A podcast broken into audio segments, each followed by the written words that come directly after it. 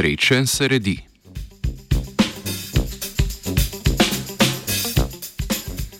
Raziskovalna skupina iz Virginije je v reviji Current Biology objavila novo študijo, izvedeno na miših, ki odkriva, da sta možganski center za užitek in možganska biološka ura povezana. Tako visokokalorična hrana, ki nam prinaša užitek in spodbudi izločanje hormona sreče oziroma dopamina, moti običajen urnik hranjenja. Posledica tega pa je lahko prekomerno nažiranje s hrano in debelost.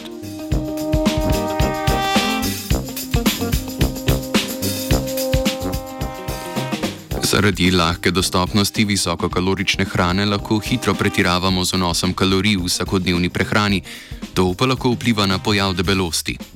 Debelost in ostale z njo povezane bolezni, kot so sladkorna bolezen tipa 2, bolezni srca in ožilja ter metabolni sindromi, pa so pandemije, ki znatno skrajšajo življenjsko dobo. Prenajedanje, prigrizki in nenačrtovani obroki izven običajnega ritma prehranjevanja motijo čas presnovnih procesov, ki ga določa biološka ura v možganih.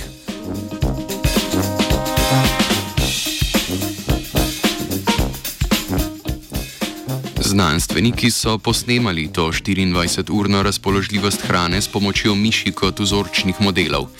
Pokazali so, da nažiranje in pregrizki izven časa hranjenja, ki ga določa biološka ura, s časoma vodijo v debelost.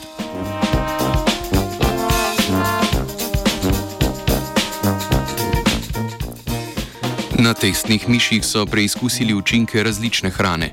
V poskusu so imeli živali vse čas dostop do hrane. Ugotovili so, da so miši, ki so se prehranjevale s hrano, ki jo po kalorijah in vsebnosti maščob podobna hrani v divjini, vzdrževale običajni urnik prehranjevanja in aktivnosti ter primerno telesno težo.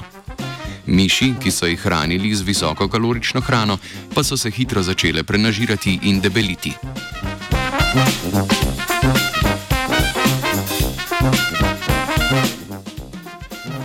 Predvidevali so, da je prenažiranje povezano z dopaminom.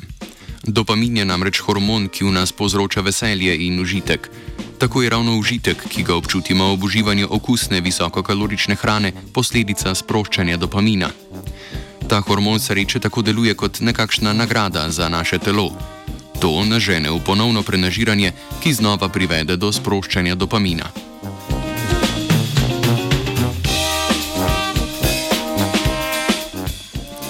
Da bi to tudi dokazali, so eni skupini miši odstranili receptor za dopamin imenovan DRD1. Pri teh miših je bila zato motena dopaminska signalizacija in niso občutile užitka pri hranjenju.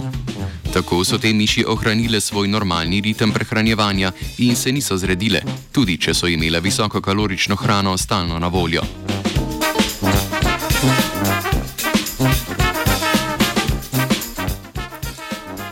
Z raziskavo so tako dokazali, da je ekspresija receptorja DRD1 za dopamin potrebna za pojav prenažiranja z visokokalorično hrano. Dokazali pa so tudi, da signalizacija DRD1, ki povzroča užitek kot odziv na visokokalorično hrano, moti ritem hranjenja in aktivnosti, ki jo določa biološka ura v možganih.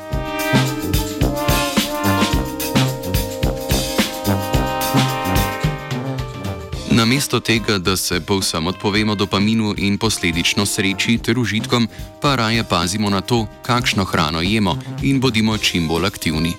Naj to ne ostanejo le naše novoletne zaobljube.